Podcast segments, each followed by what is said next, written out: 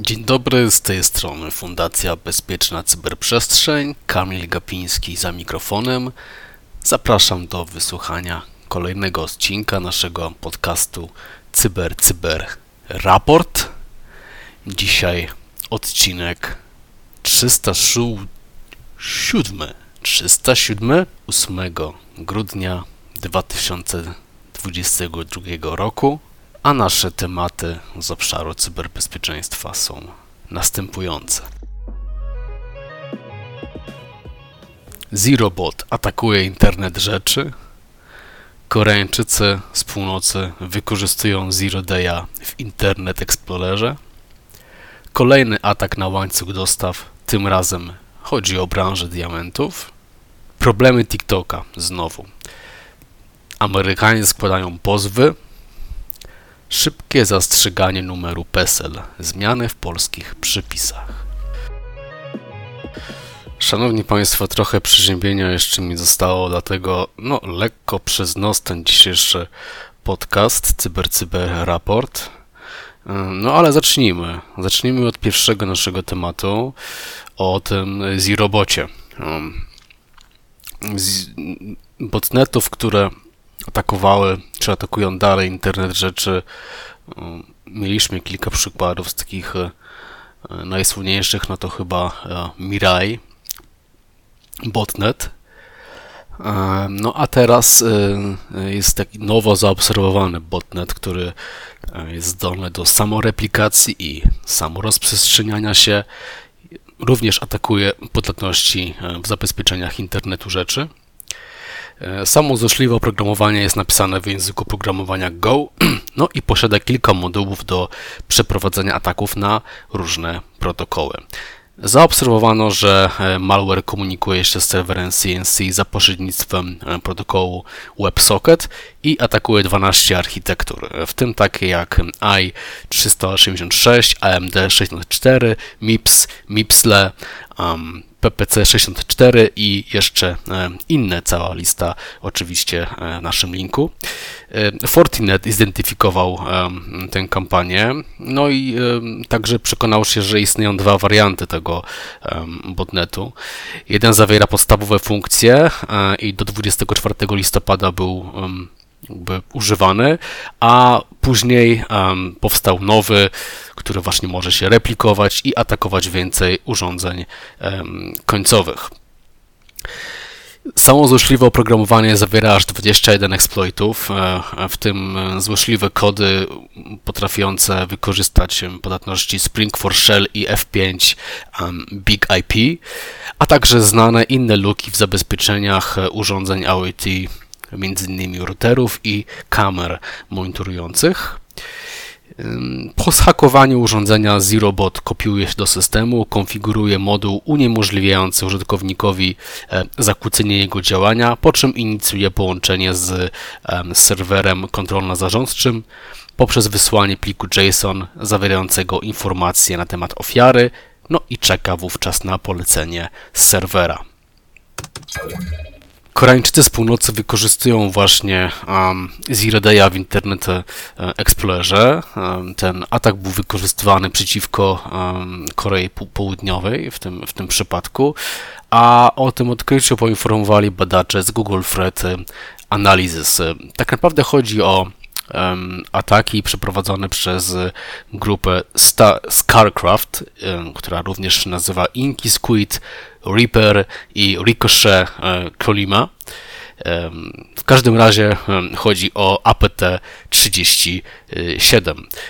Wielokrotnie właśnie ta grupa cyberprzestępcza już wcześniej wykorzystywała luki w Internet Explorerze, takie jak chociażby CVE 2020 1380 i 2021 26 411, które zrzucają do systemu backdoory, takie jak Blue Light i Dolphin, zresztą niedawno ujawniony przez e, słowacką firmę Eset. Także e, jeżeli mm, jeszcze używacie Internet Explorera, czy znacie organizacje, które wciąż na tym mm, przy tej przeglądarce pracują, no warto pamiętać tutaj e, o tych atakach.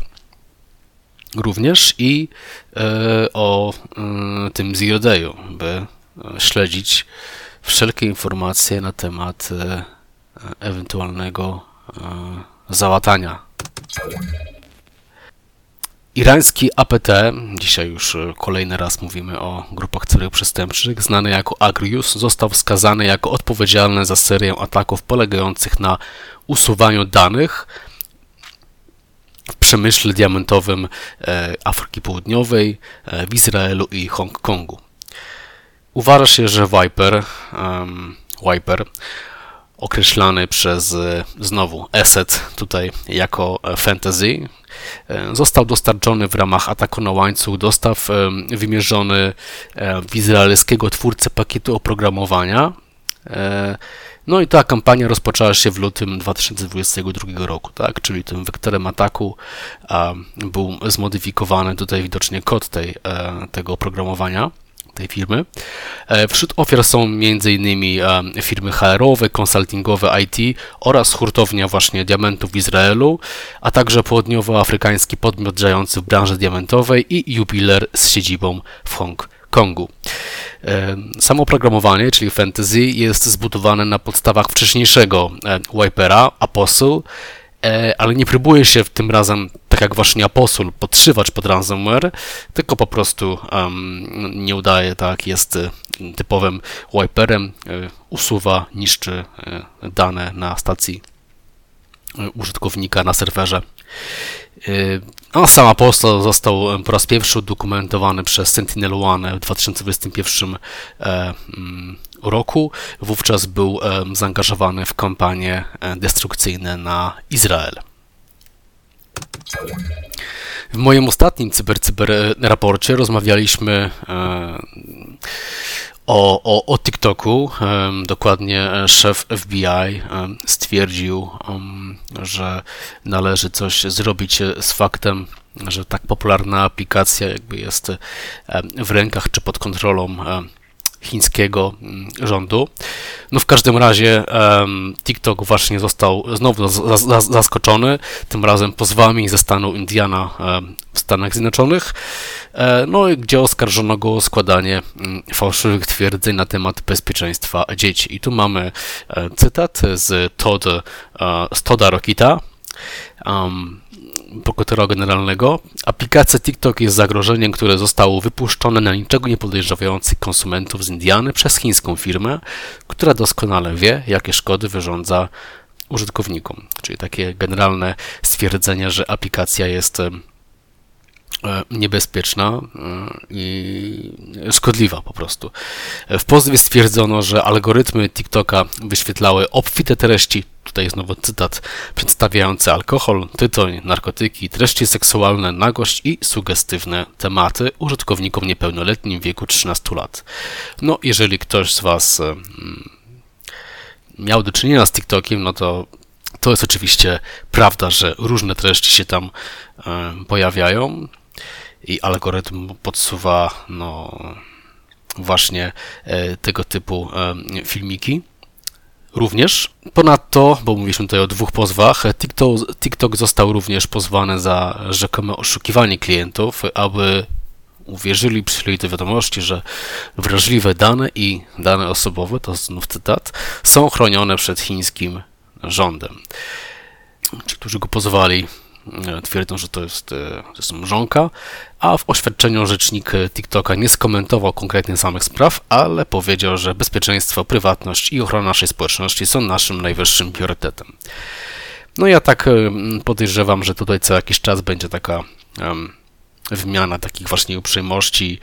Um, TikTok będzie na celowniku, bo jest no, jedną z najpopularniejszych, jeżeli nie najpopularniejszych aplikacji e, używanych właśnie przede wszystkim przez przez młode osoby e, i młodych dorosłych, ale właściwie to już e, dużo też i starszych osób zaczyna używać, no i dzieci oczywiście, tak, no bo tutaj jakby wyrósł na, na fali tych śmiesznych tańców, tak, Więc e, e, na pewno jeszcze usłyszymy o próbach oskarżania TikToka o łamanie jakiejś zasady bezpieczeństwa albo o inne szkodliwe zamiary. Ostatnim tematem e, w dzisiejszym e, cyber, cyber raporcie, to jest właściwie temat e, trochę rzutem na taśmę. Dziennik Gazeta Prawna donosi o tym, że w polskim prawie zmienią się przepisy w zakresie zastrzegania numeru PESEL.